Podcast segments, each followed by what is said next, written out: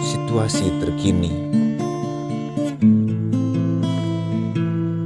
Terjebak dalam situasi sulit. Terjebak oleh kata-kata kian-kian berkelit. Sudah lebih dari sekedar rasa. Terlalu singkat jika disebut parah.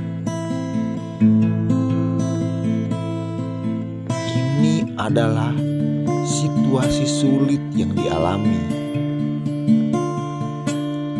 saat ia dan tidak menjadi tidak cukup untuk menjawab pertanyaan. Saat benar dan salah selalu membuat catatan kaki setelahnya. Ini adalah situasi yang sulit.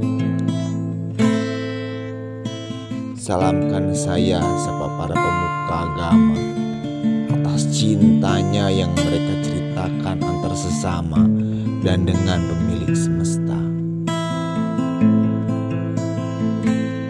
Situasi ini sangat sulit saat hati yang patah tak akan kembali utuh seperti sebelum mengenal cinta. Inilah yang Tuhan ingin tunjukkan atas kuasanya tentang sebuah rasa indah yang disebut cinta.